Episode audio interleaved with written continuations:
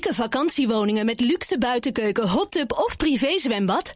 Het kan allemaal op Straaprechtse Venne. Het luxe vakantiepark midden in de Brabantse natuur. Investeren en recreëren? Ontdek het op Brabantisprachtig.nl. Heb jij de BNR-app al? Met breaking news in de podcast BNR Beurs. Download de app en blijf scherp. BNR Nieuwsradio. BNR breekt politiek. Nina van den Dungen. Welkom bij de allerlaatste BNR Breekt Politiek. Het programma waarin de luisteraars direct contact kunnen hebben met Tweede Kamerleden. Vandaag dus voor het laatst in het panel dan maar meteen twee vaste gasten... die best wel vaak geweest zijn. Zo her El Yassini van de VVD, welkom. Leuk, dank. En Nilever Gunoan, ook al vaak geweest hier, onafhankelijk Kamerlid, ook welkom. Dankjewel. Uh, en we kunnen gewoon alle, allemaal wel zeggen, we kappen er alle drie mee. Ja. ja. We hebben iets gemeen. Deze, Inderdaad, BNR Breekt stopt. Wacht even, ik kap niet trouwens met BNR. We, we kappen met BNR Breekt ja, ja, vanwege BNR de FM-veiling... waar we miljoenen en miljoenen voor hebben neerleggen... wat best uh, pijn deed in de portemonnee. Waarbij ik bij die uitzending was. Dat vond ik zo mooi. Nogmaals gefeliciteerd. Dat ja, echt, dat is, oh. ja, maar goed, het deed dus wel pijn in de portemonnee waardoor ja. we hetzelfde programma moeten killen, namelijk BNR Breekt. Er is volgende week nog uh, een slotuitzending, uh, een hele week. En die staat onder leiding van Iwan. Dan dus geen BNR Breekt Politiek. Dus dit is de laatste. Dus ook een oproep aan alle bellers die nog met Kamerleden willen praten. Dat kan vandaag nog. 020 468 4 keer 0 Ik zei al, jullie stoppen ook. Nilofer, je hebt het bekendgemaakt. Zo her jij ook. Nilofer in de notendop. Waarom? Nou ja, wat ik. Uh, mijn gezondheid was al heel lang gewoon echt, uh, of nog steeds niet, volledig hersteld. Dus ik kwam niet verder toe dan werk en werk.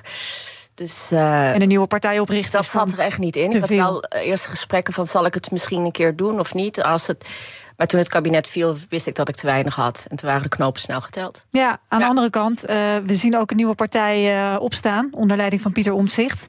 Ligt die ideologisch gezien nog bij jou? Dat je denkt van, nou, misschien kan ik me daar nog bij aansluiten? Nou, als je ziet wat mijn politieke achtergrond is, D66 Volt.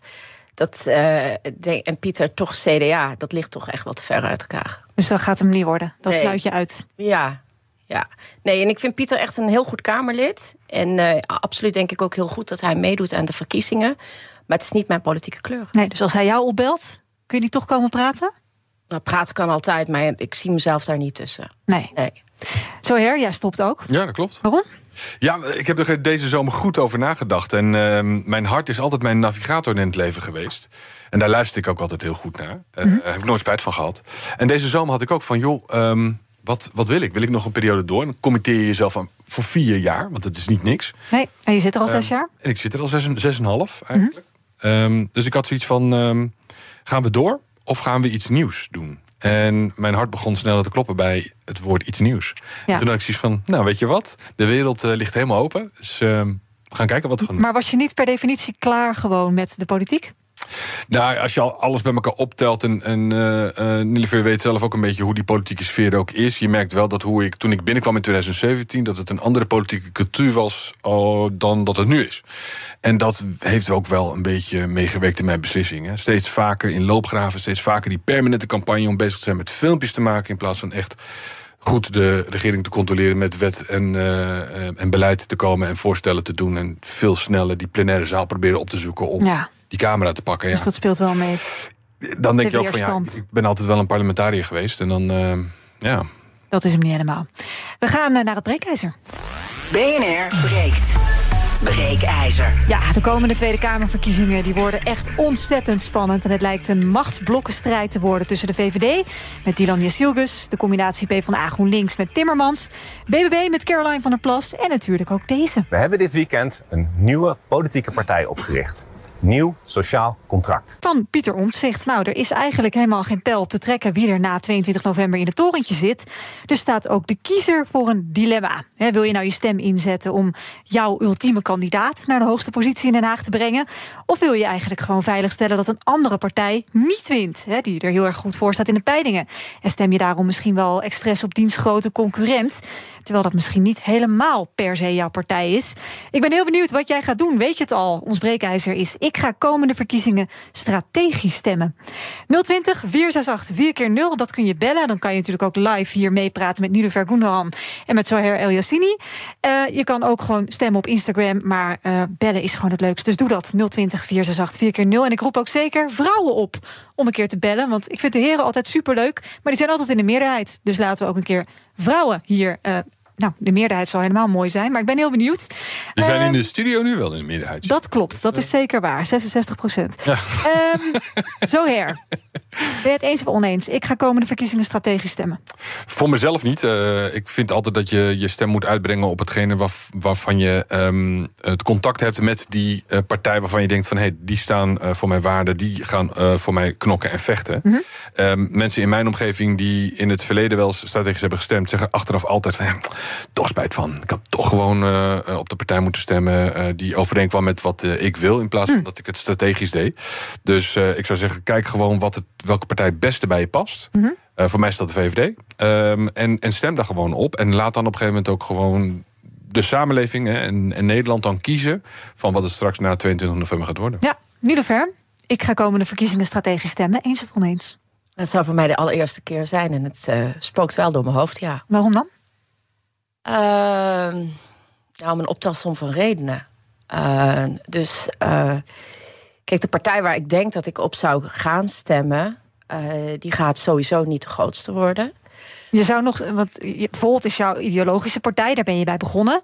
Nee, ik zou niet meer vol stemmen naar alles wat er is ja, gebeurd. Maar dat is, ja, nou, wat, dat, ja, maar dat is persoonlijke redenen natuurlijk. Want ideologisch gezien staan ze nog bij, dichtbij je. Uh, ja, uh, alhoewel ik wel vind dat Volt in de afgelopen periode behoorlijk over links is gegaan en uh, weinig oog heeft voor de staatsschuld. Ook de mondiale schuldenberg. En dat -hmm. vind ik zeer zorgwekkend makkelijk even die geldpers maar aanzetten... terwijl er al 7000 miljard euro is bijgedrukt... en daar heel gemakzuchtig over stappen...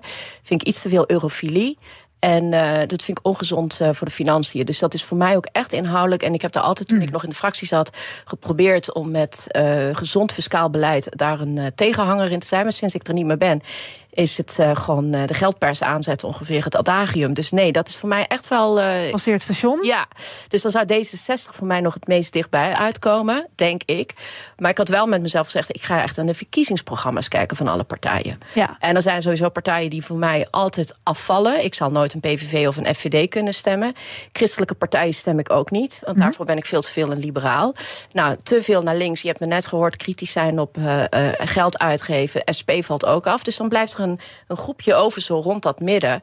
Dat kan, zou kunnen hebben, waarvan ik uh, van tevoren dacht... dan komt D66 mogelijk het hoogst uit. Ja. Maar misschien ga ik geen D66 stemmen. Om dat strategisch stemmen te om doen. Om strategisch te stemmen. Om te zou... voorkomen dat iemand... Nou, niet om te voorkomen dat iemand. Maar of juist om te zorgen dat iemand. Dat, ja. Na Kok is er gewoon geen premier meer geweest... die wat meer aan de progressieve linkse kant zat. En ik vind dat er echt sinds Balkenende... hebben we alleen maar gewoon best, in mijn ogen... best wel conservatieve rechtse premiers gehad.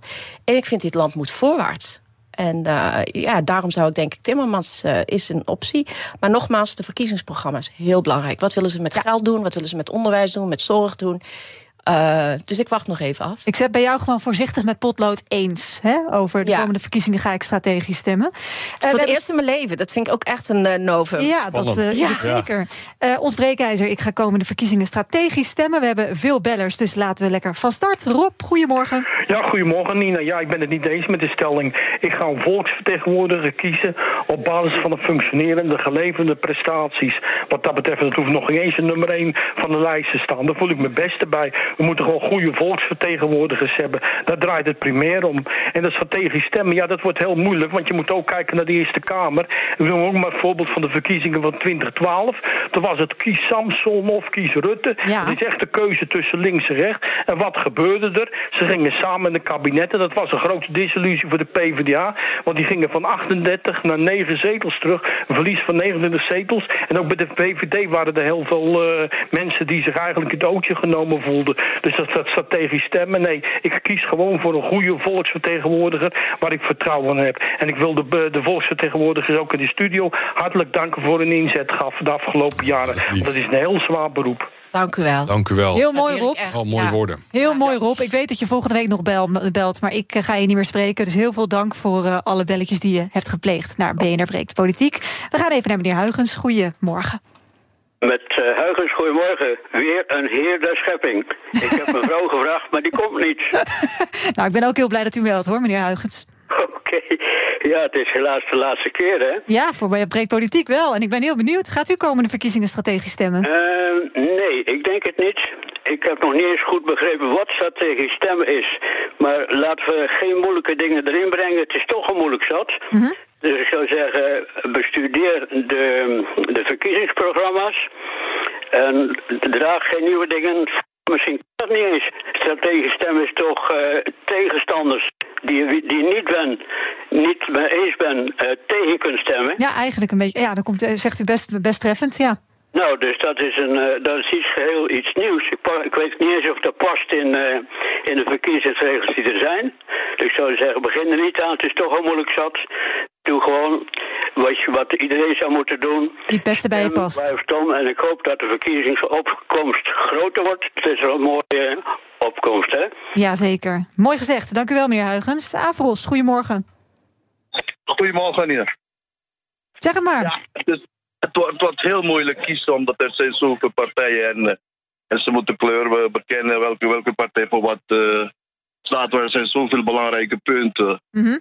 Uh, stikstof en uh, er komt heel veel problemen die moeten opgelost worden. Maar ik vind toch heel voorzichtig moet er gekeken worden wie uh, beter is. Kijk, ik ben ondernemer. Dan moet ik zelf kijken welke partij goed is voor de ondernemers. Mm -hmm. En dan, en dan ja, het zit Timmermans en uh, daar komt ook een paar partijen die niet zoveel ervaren heeft. dus dan moet je ook goed kijken. Want kijk, Pieter Omzicht, ja, dat blijkt dat hij nu al 40 zetels heeft. Maar ja, nee. hij heeft nooit gereageerd. Nee, maar jij zegt, ik twijfel dus nog wel. Uh, maar je gaat niet strategisch stemmen. Maar je twijfelt nog wel. Ja, ja, ik twijfel nog wel. Want nu weet niet precies welke gaat het worden. Nee, nee, we hebben gelukkig nog wel drie maanden. Dus uh, dat scheelt weer. Dankjewel, Afros. Ik ga naar Ernst. Goedemorgen. Goedemorgen. Ja, ik ben het... Uh, ja, sorry, weer een man trouwens, maar alhoewel ik zeker... Je bent ook van harte welkom, hè? Begrijp me niet verkeerd. Ja, ja oké, okay. Nee, um, ik stem niet strategisch. En ik vind eigenlijk ook de kleurrijke politiek... in die zin wat kleinere partijen ertussen helemaal niet zo'n probleem. Ik zou wel je graag zien dat de mensen elkaar wat meer opzoeken... en wat minder inderdaad op de man afspreken. Uh, -huh. Minder opheffen over de personen en meer... Uh, samenwerken op de inhoud. Ik, ik, dat zou ik wel graag terugzien uh, na november. Heb je er vertrouwen in? Ja, als het gaat over mijn eigen partij heb ik er zeker vertrouwen in. En ik zou zeggen, neem daar, een, neem daar een voorbeeld aan en uh, zoek elkaar op. En laat zien, hè, dat als het ook gaat over de vertrouwen in de, politiek inderdaad...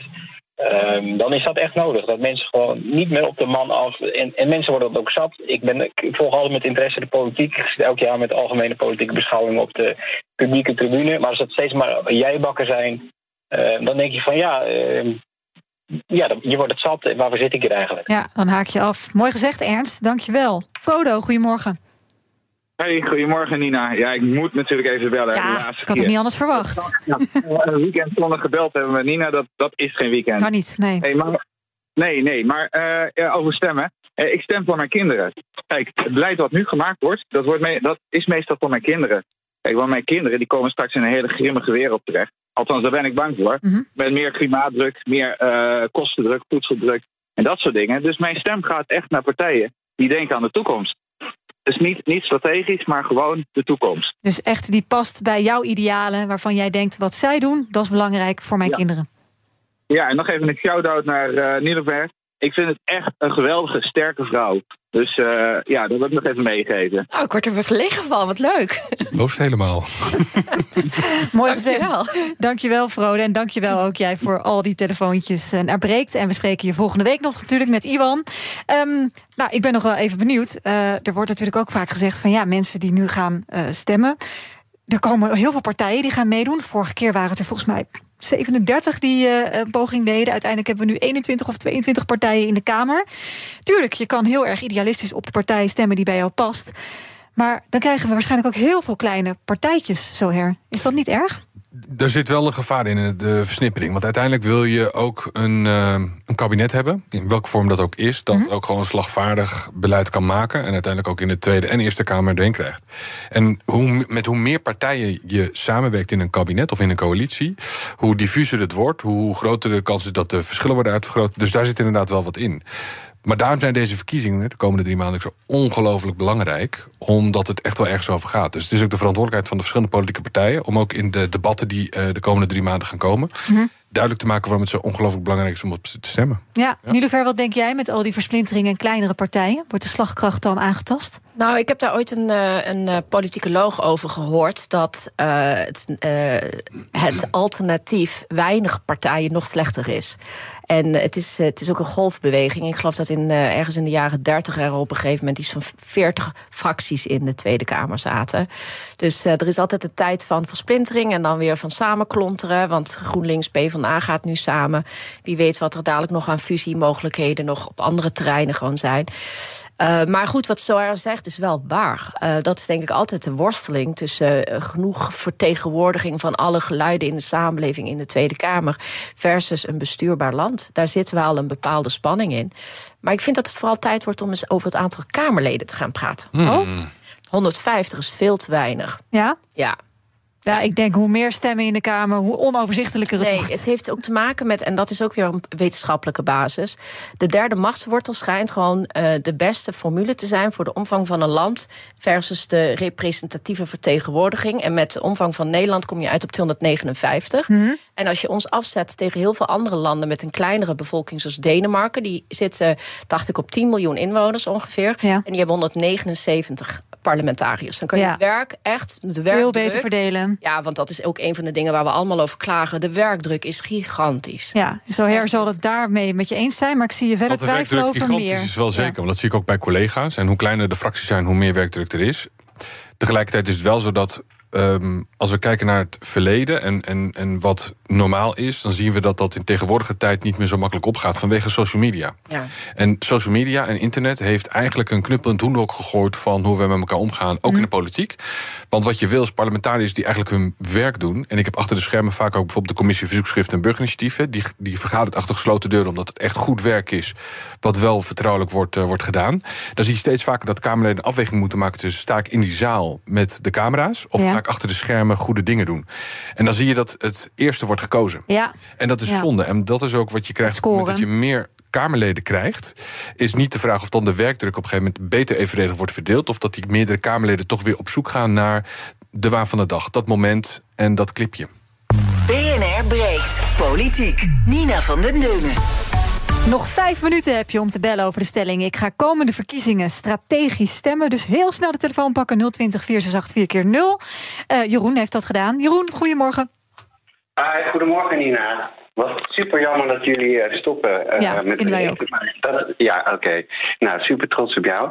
Hey, ehm, ik heb een vraag aan de twee Kamerleden. Ehm, we zien dat er eigenlijk het vertrouwen in de Nederlandse overheid, wat ik althans heb gehoord, ja, dat ligt behoorlijk laag. Mhm. Onder de 25 procent. En mijn vraag aan hun, eh, overigens erg trots op hun, ehm, is hoe kan je nou die, gewoon al die stemmers naar de stembus krijgen? Ik vind het een goede vraag. Ik eh, ga het eerst even aan Zoher voorleggen. Oeh, dat is een- echt een, een pittige vraag. Ehm, Ja, als maar het vertrouwen laag is, ja, dat, waarom eh, zou je dan nog gaan stemmen? Ik denk dat politieke partijen een aantal verantwoordelijkheden hebben met betrekking tot die verkiezingen. Een belangrijke is een goede diverse lijst. En diversiteit wordt te vaak in de Nederlandse samenleving gekeken in huidskleur en geslacht. En nee, het is diversiteit van perspectief, van types. Opleidingsniveau. Opleidingsniveau, precies. Dat, gaat, dat is veel breder dan dat. Mhm. Het tweede waar politieke partijen verantwoordelijk voor zijn en moeten zijn, is dat ze ervoor zorgen dat ze volksvertegenwoordigers op die lijst zetten die echt voor mensen knokken en aan de slag gaan en de ruimte krijgen om te laten zien dat ze voor mensen knokken. Dus de eh, partijen hebben ook de verantwoordelijkheid om de Kamerleden ook gewoon iets meer ruimte te geven om te laten zien dat ze voor mensen staan. Mhm. In plaats van dat men uh, toch vaak in de samenleving het gevoel heeft van ja, nee, maar ja, goed, het zijn een beetje backbenchers en uh, die, die, die stemmen maar mee. Ja. Het is juist de bedoeling dat je naar buiten en naar voren toe duidelijk laat zien. Nou zie ik heel veel Kamerleden die dat echt heel goed doen. Alleen dan moeten we met z'n allen nog meer werk van maken om ervoor te zorgen dat dat vertrouwen iets meer terugkomt. Maar er is gewoon nu ook in vooral de westerse wereld veel wantrouwen richting instituten en, en, en, en parlementen. Dat, dat is een ontwikkeling in de 21e eeuw. Meneer heb jij daar nog aanvulling op? Hoe je deze mensen die ook echt een weinig vertrouwen nu hebben in de Kamer, in de politiek als geheel, hoe je die naar de stembus krijgt? Ik denk dat je gewoon het alternatief is nog veel erger. Dus ik wil niet vanuit een angstappel uh, doen. Maar dit, dat is gewoon niet stemmen, is gewoon echt het, het denk ik, het meest uh, zinloze in een, in een. Als je wil dat democratie functioneert. Dus uh, ja, ik ga denk ik gewoon vooral nu heel ja, weinig gevoel heb ik erbij. Er is geen partij waarvan ik echt gewoon denk: oh ja, daar loop ik helemaal van over. Maar ik vind het gewoon, uh, je moet je mond houden als je niet stemt. Want dat, dat is het minste wat je kunt doen als burger, is dat je je stem uitbrengt.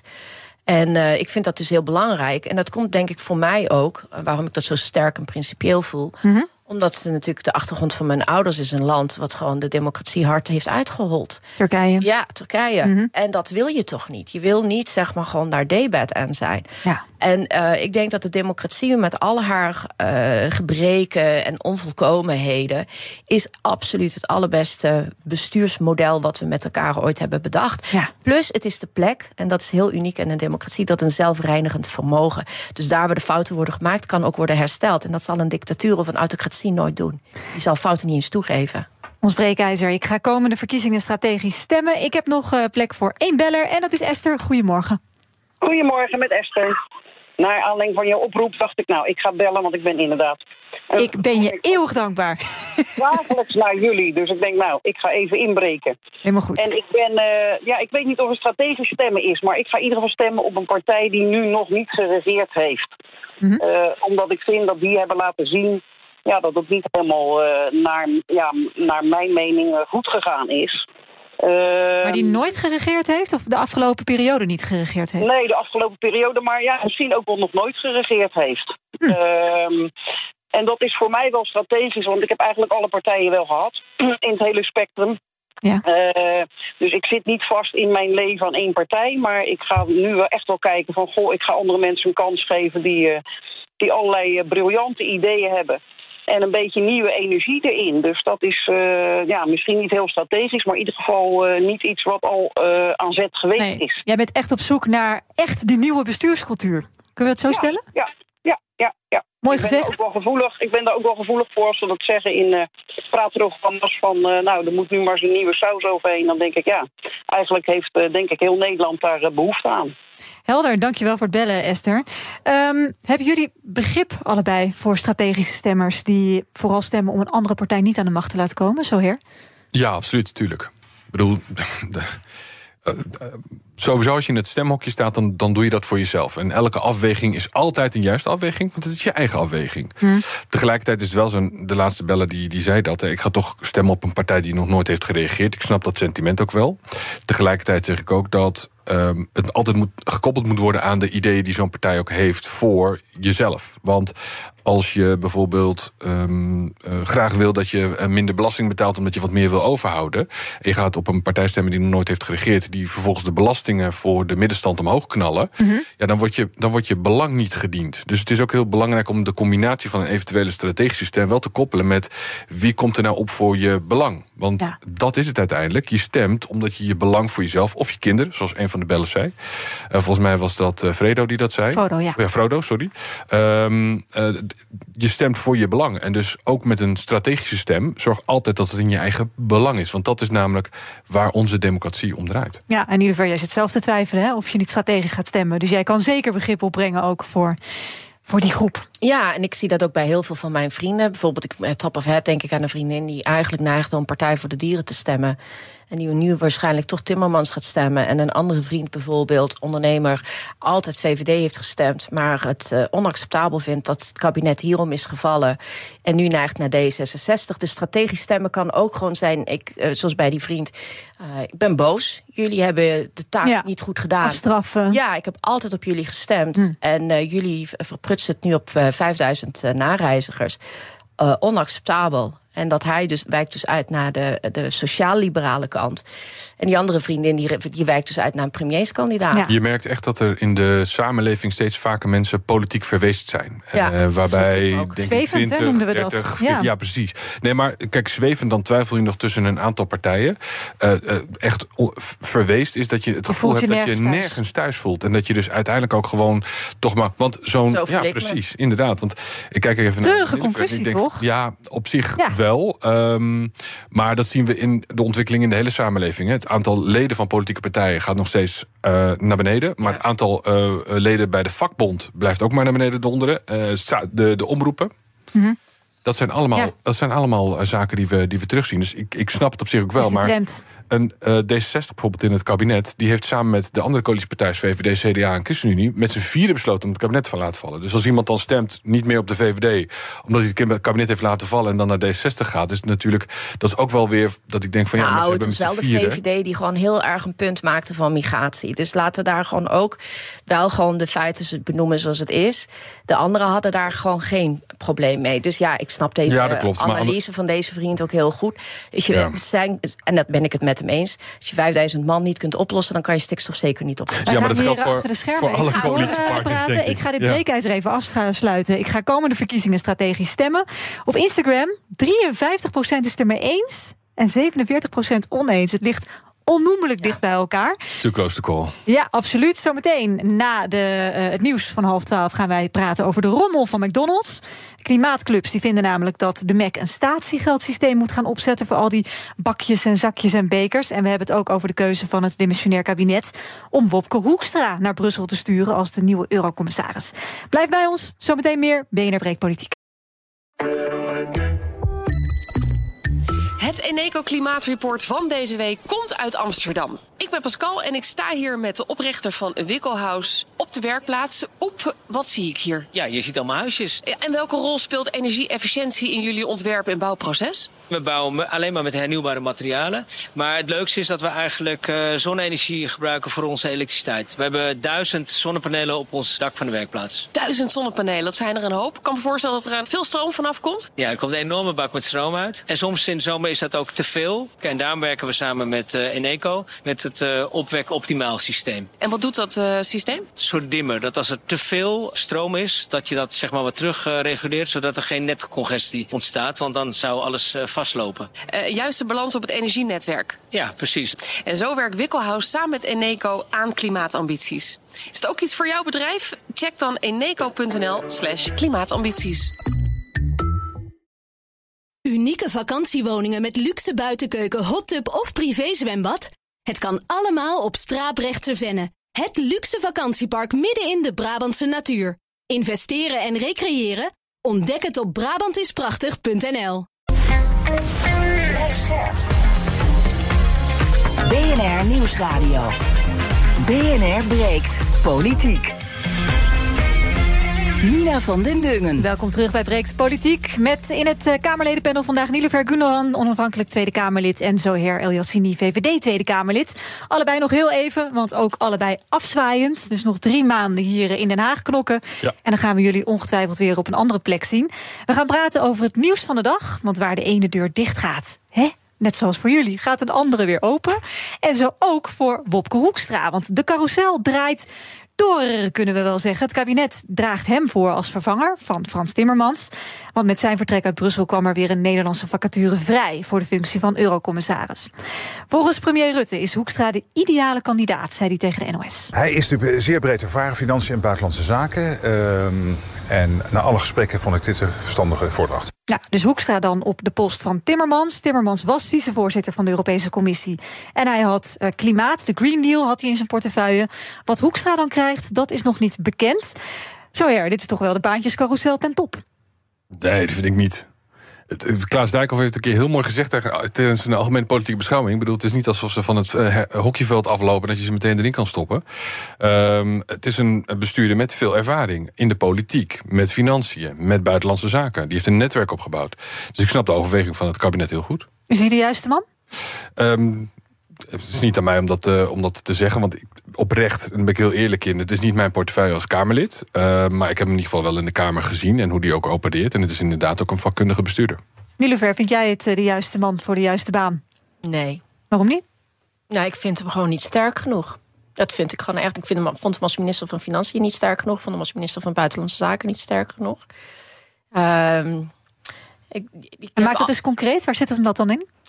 Ja, dat is. ehm, ja, waar zit het hem dan in? Dat zit misschien ook in persoonlijke irritatie. Omdat hij een aantal dingen gewoon, vond ik, veel te lang eh, niet eh, heeft opgepakt. Zoals toen in eh corona-herstelfonds Nederland een van de laatste landen was die een plan indiende.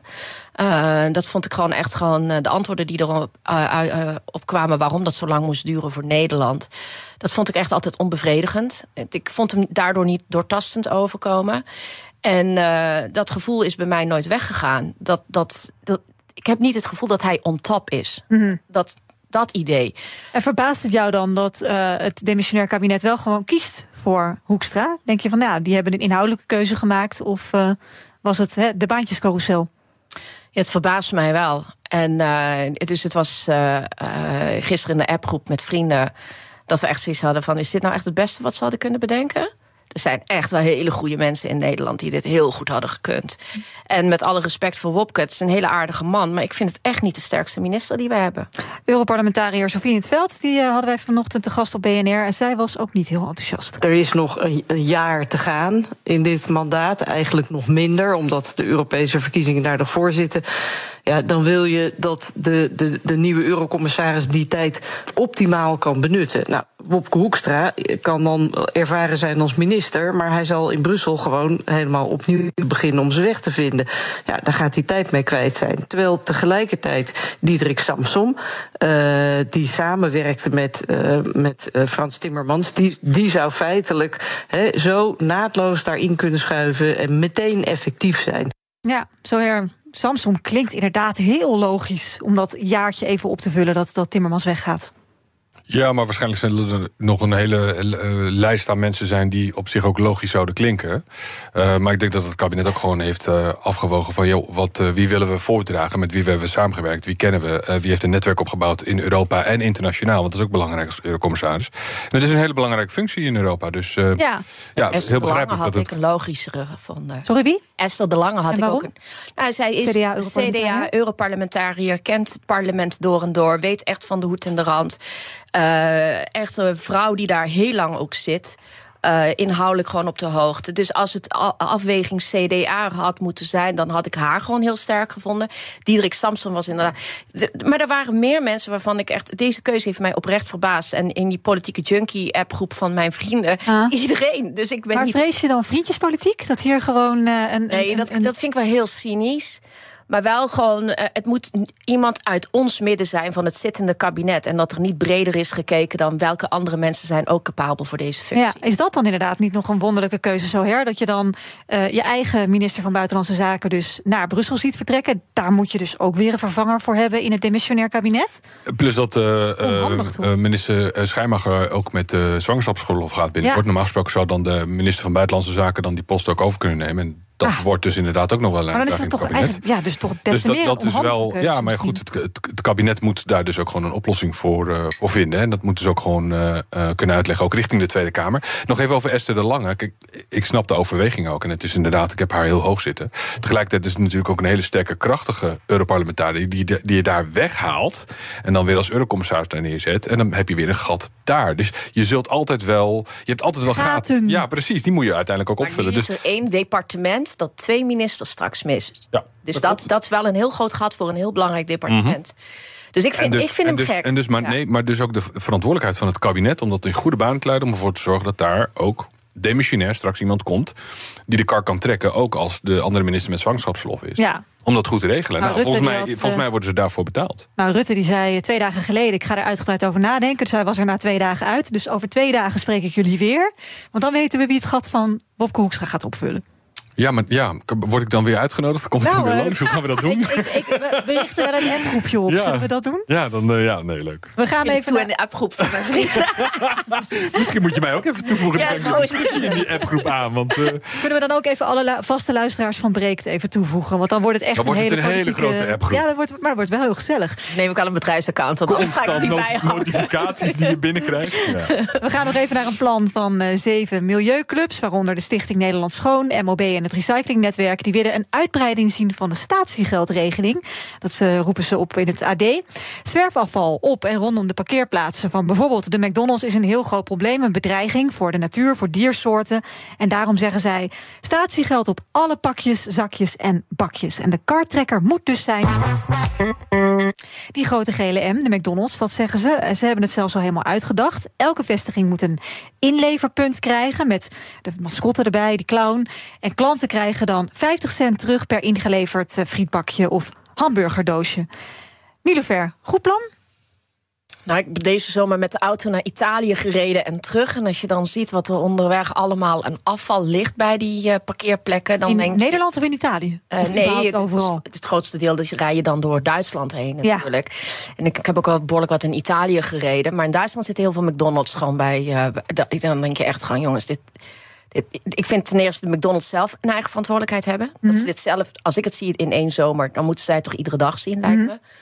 Dus de McDonald's had gewoon al veel meer eerder hierop moeten inzetten. Ja. We hebben mega afvalbakken hè, overal staan. Waar je vanuit je autoraam, zonder echt goed te mikken. Ja, maar dat zit dus niet in de gedrag van mensen. Dus want als ik iedere keer dat ik daar sta te laden in de buurt van zo'n McDonald's in Duitsland, al die uh, troepsie. troepsie. Ja, dan, dan, dan. Maar gaat statiegeld het oplossen? I don't know. Maar iets moet je denk ik wel doen. Want het is echt niet te verdragen. Die, dat, het, is, het is gewoon. Uh, in deze tijden dat we weten van klimaatverandering, Noord-Europa overstroomt, Zuid-Europa in de fik staat. Dit soort afval is echt niet van deze tijd meer. Zo ja? Ik erger mezelf dood aan al het afval. Kijk, ik, ben, ik kom niet naar de McDonald's. Ik, uh, ik probeer fastfood zoveel mogelijk te vermijden, want ik heb de neiging om dan echt op te blazen. dan kan ik op een gegeven moment ook niet meer door deuren. Maar um, ik erger me aan het afval. Tegelijkertijd, wat ik ook zie, is dat um, ik niet denk dat statiegeld de oplossing uh, um, gaat zijn voor twee redenen. Eerst is, we hebben op blikjes hebben statiegeld. Uh, mm. hebben dat, uh, is dat geregeld vanuit de Tweede Kamer. Wat je ziet is juist meer verloedering. Omdat ook daklozen, met name in grote steden... vuilniszakken en vuilnisbakken opentrekken op zoek naar blikjes. Waardoor je dus geld. nog meer verromming mm -hmm. krijgt. Maar het vervolg is ook, want volgens mij is dit ook een, um, het plan... wat ook in Frankrijk is, herbruikbare verpakkingen. Um, die moet je ook schoonmaken. En dat kost ook heel veel water. Dat heeft ook milieueffecten. Vooral wanneer je droogte hebt en, en problemen met, met de watervoorziening. Uh, tot slot denk ik ook dat het ook een beetje een soort uh, uh, de luie psychologie is door zomaar iets te subsidiëren, of te, te, te belasten of ja. weer staatsgeld op te gooien. Ja. Volgens mij moet je samen als gemeente en bedrijf nadenken over hoe je ervoor zorgt dat de bakken slimmer worden geplaatst. Dat die bakken, als die vol zijn, ook snel worden geleegd. Mm -hmm. Want dat hoor ik ook vaak dat die McDonald's bakken overvol zitten. Echt absoluut. echt, echt waardeloos. Dat je echt denkt, hoezo.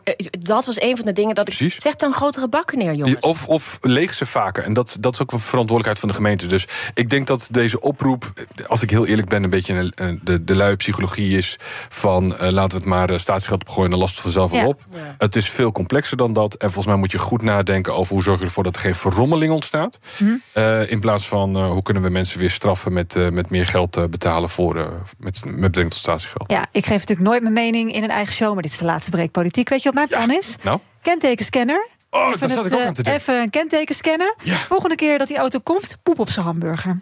Toekomstbestendig beleggen? Investeer in een luxe vakantiewoning op eigen grond midden in de Brabantse natuur met een rendement van 5,5%. Vakantiepark Strabrechtse Venne opent komend voorjaar. Ontdek het op investereninbrabant.nl.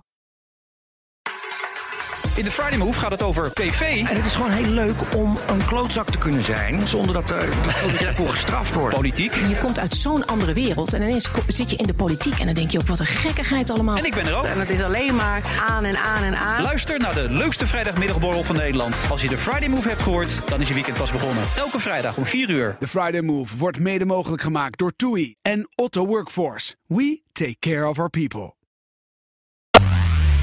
BNR breekt. De laatste BNR breekt politiek met Niederver Gunagan, onafhankelijk Tweede Kamerlid. En Zoher El Yassini, Tweede Kamerlid voor de VVD. Nog even jullie eigen nieuws. Zoher, jij wilde het hebben over uh, het MBO, dat is jouw portefeuille. En het nieuwe schooljaar is begonnen. Ja. En dan het studieadvies. Wat ja, is daarmee? Klopt. Nou ja, kijk, we zien in de samenleving, dat zijn eigenlijk de, toch wel de, de donkere wolken waar ik mij zorgen over maak voor de toekomst. En uh, ook Frodo had het over zijn kinderen en, en later. We zien een enorme krapte op de arbeidsmarkt. En dat betekent dat het niet vanzelfsprekend is dat wij de faciliteiten waar wij als Nederlanders gebruik van maken, dat dat gewoon zo doorgaat. Of het nou in de zorg is, of uh, bouw van huizen, uh, of het installeren van uh, zonnepanelen. Um, en ik denk dat het wel belangrijk is dat jongeren ook gewoon um, voor de voor de toekomst in ieder geval ook een studieadvies meekrijgen. Niet alleen op wat ze goed kunnen, wat ze zelf leuk vinden, maar wat ook nodig is voor de samenleving.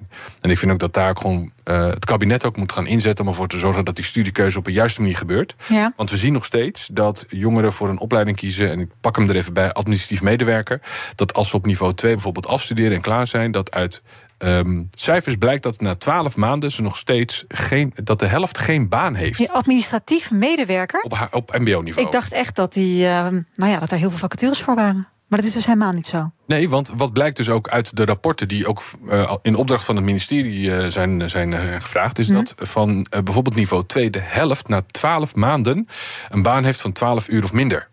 Ja. Dat is eigenlijk in feite geen baan, want je kan daar niet van Leven. En dat betekent dus in feite dat we een enorme krapte op de arbeidsmarkt hebben. Heel veel mensen nodig hebben en gewoon echt met de hand in het haar zitten. Maar moet je dat soort studies dan, dan uh, numerus fixus opzetten? Of moet je uh, studenten verleiden om iets anders te kiezen? Heel eerlijk, dat eerste dat zou, dat zou ik heel fijn vinden. Ik weet alleen niet of er een meerderheid in de Tweede Kamer is die bereid is om met mij daarin de volgende stap te nemen. In drie maanden? De komende drie maanden, inderdaad. Maar ik zou dat heel graag willen, dat er ook een numerus fixus komt op wat ze dan heel chic noemen. Kans. Opleidingen met een lage arbeidsmarktperspectief. Ja. Uh, want het is bizar en belachelijk dat in de zware krapte die we hebben op de arbeidsmarkt, we nu nog steeds studies aanbieden die uit, waar uiteindelijk in de samenleving niemand om vraagt. En dan zul je ook gewoon moeilijke stappen moeten maken en zeggen: Nou, een deel van die bekostiging vanuit het ministerie moet, uh, moet teruggeschroefd worden. Nilever, zou jij ervoor zijn? Zeker. Ik vind dat wij gewoon echt een beetje naar een decadentie aan het hollen zijn. Uh, waarvan we vooral de funkant en het gemak van, het, van een baan meer waarderen dan de toegevoegde en gecreëerde waarde die uit een, een baan komt. En ik denk dat vooral ook jonge meiden veel meer interesse moeten gaan uh, krijgen. En dat moeten we aanbakkeren. Dus dat moet je ook positief, denk ik, gewoon doen. Om technische opleidingen vooral te gaan doen. Hm. Daar zit geld in, daar zit perspectief in, daar zit je onafhankelijkheid in. En uh, dat, dat beeld dat dat super zwaar is en ingewikkeld. Weet je, er is een drempel, denk ik, die vooral tussen de oren zit. En daar moeten we, denk ik, vanaf. Ja, en die drempel die zie je vooral met uh, jonge mensen, jonge Nederlanders met een niet-westerse afkomst. Die vaak ook bijvoorbeeld een soort kantoorstudies gaan doen. Terwijl uh, hun doel is om uh, financieel op een hele goede positie terecht te komen. Ja. Altijd met gastcolleges zeg ik: denk nou eens over nou om nou in de techniek te gaan, ja. in de bouw. Je kan als eigen ondernemer, als je eenmaal start, kan je dan op een gegeven moment echt goed geld verdienen. Ja. En zorgen dat je dromen waar worden gemaakt. Want je hebt uiteindelijk ook gewoon financiële uh, goede inkomsten nodig om die droom uh, te, te kunnen bouwen van, van het mooie leven waar je, wat je heel graag wil. Mooi. Ik ben benieuwd wat jij de komende drie maanden nog net voor elkaar krijgt op dat vlak. Keihard knokken. En, uh, en we doen het namelijk voor de jongeren. We doen het voor de Nederlandse samenleving en die arbeidsmarkt. Want welvaart is niet vanzelfsprekend. Daar moeten nee. we heel hard voor werken. Niederver, jij wilde het nog hebben over de mugshot van Trump. Ja. Jeetje. Wat een lelijke foto, hè? Nou, en vooral ook, en ik denk dat iedereen dat voelt... Dan zit, het, het, het heeft ook iets surreëels. Dat een voormalige president als een maffiabaas... gewoon naar de gevangenis gaat, twee ton moet betalen... en dat je echt gewoon denkt, in een film zou je dit nog niet eens kunnen bedenken... en het gebeurt real. En uh, het is natuurlijk gewoon uh, voor een politieke junk... Uh, als ik, en met mij denk ik jullie ook. Dit is natuurlijk gewoon een hele andere vorm van politieke geschiedenis, wat hier nu wordt. Ja, maar hij, ik bedoel, hij kijkt woedend, woest op zijn mugshot. Maar hij geniet hiervan, want hij weet dat het hem alleen maar zetels oplevert. Nou ja, ja. maar het, het, het, de andere kant is natuurlijk ook gewoon dat, dat hij heeft. Uh, het is een infame reputatie. Uh, laat ik het zo zeggen. Ik bedoel, hoeveel presidenten hebben dit nou voor elkaar gekregen? Ja, maar goed, dat had hij al. Nou, het wordt alleen maakt maar. het- Het, het maakt wordt het nog veel erger? Ja, ik, ik vind van wel. Dus laat, ik laat ik het niet voor anderen bepalen. Maar ik dacht echt, holy, wat lees ik hier nu weer? Wat zie ik hier nu weer? Ja, zo her, hoe keek jij ernaar? Nou, ik heb in ieder geval ook analisten in de Verenigde Staten gehoord dat die mugshot, dat die pose die hij doet, dat het ook echt een signaal is richting zijn kiezers en achterban om te laten zien: ik ben strijdbaar, Ja. ik geef mij niet over. Dus Hier heeft hij heel erg goed over nagedacht. ja, maar dat, dat is het dus ook. Je ziet dus ook dat die foto eigenlijk gewoon de start is van de campagne voor Trump. En hij is immens populair in de Verenigde Staten. Veel mensen eh, die onderschatten dat enorm. En eh, de Democraten staan gewoon slecht in de peilingen. En hij staat binnen de Republikeinse kandidaten staat hij heel hoog, nog verder dan eh, DeSantis. Dus dit, wordt, dit worden hele bizarre. eh, Amerikaanse verkiezingen. En het zal me niet verbazen dat als zij voor die tijd hem niet weten te voordelen, dat hij misschien nog kan worden ook. Ja, daar ben ik bang voor. En eh, ik was eh, in het najaar in Canada. En als je daar met progressieve politici praat, wat ik dus heb gedaan, dan hoor je echt eh, zorgen dat hun buurland, hun belangrijkste buurland, hun enige buurland, Totaal uiteraard ook instabiel wordt. totaal instabiel wordt. En, eh, en, en dat zal ook effect hebben voor Europa. Maar zij zullen het het meeste voelen. Maar die openbare aanklagers Ja. die gaan het heel moeilijk krijgen. Want ze gaan voor een, eh, voor een RICO-case. En dat is wat, eh, wat ze normaal gesproken gebruiken om uh, Maffia, ja. eh, in de gevangenis te krijgen. Dus Racketeering Ja. Influence Corrupt Organization Act. Ja. Eh, en dat, eh, en dat, dat is een hell of a job. Maar dat doen ze dus vanuit de staat en niet vanuit de federale overheid. Eh, dit wordt echt wel. eh is voor politieke junkies is het, is het popcorn. Nee, het wordt- nee, maar het wordt is- crazy, Het, dit. is, het wordt een circus. Misschien wel net zo crazy als de komende verkiezingen hier in Nederland. Nee, nee, nee. Amerika is altijd alles is groter. Het was ook zeer cynisch bedoeld. We gaan nog even kijken wat de trending is. Heineken natuurlijk, want dat bedrijf heeft eh, eindelijk, kunnen we wel zeggen, afstand gedaan van de activiteiten in Rusland. 1800 werknemers van Heineken Rusland hebben nog wel even een baan. De Russische Arnest Group neemt alle aandelen en de zeven Heineken brouwerijen over. Voor het symbolische bedrag van een euro. Ja, Heineken verwacht 300 miljoen euro af te moeten schrijven. Ja, je zou zeggen, ze hadden op zijn minste prijs van een biertje kunnen vragen, toch? Bier! Wat kost een biertje nu, weten jullie het? 3,5 euro? 3,5 euro of zo? Zo erg, ik kijk jou aan.